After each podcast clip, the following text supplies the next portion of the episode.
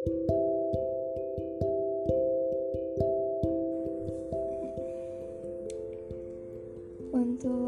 Agustus tahun 2021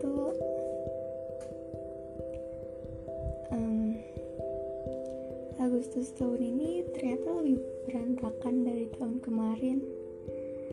Yang saya pikir akan menjadi obat ternyata lukanya merusak mental yang saya kira kisah percintaannya akan mulus ternyata jauh dari ekspektasi Kali ini saya hanya ingin meminta kepada Tuhan, jadikan rasa saya ini sewajarnya saja. Ikhlaskan hati saya seikhlas-ikhlasnya.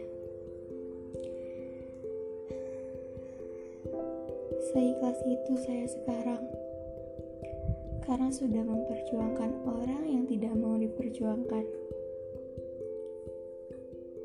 Jika hari ini hari terakhir di Agustus, berarti ini terakhir kali saya melangitkan namanya.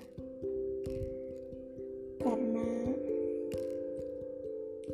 karena besok hari akan saya janjikan sembuh pada diri saya sendiri. Akan saya janjikan bahagia di diri saya sendiri. Terima kasih. Terima kasih untuk hantaman kerasmu, Agustus. Cukup memberi pelajaran terbaik yang saya rasakan. Semoga hancur saya tidak sia-sia. Berbahagialah agar saya di sini bisa ikhlas dan maaf atas segala kesalahan. Thank you and sorry September. Izinkan saya sembuh dan bahagia. Akan saya tunggu kabar baikmu.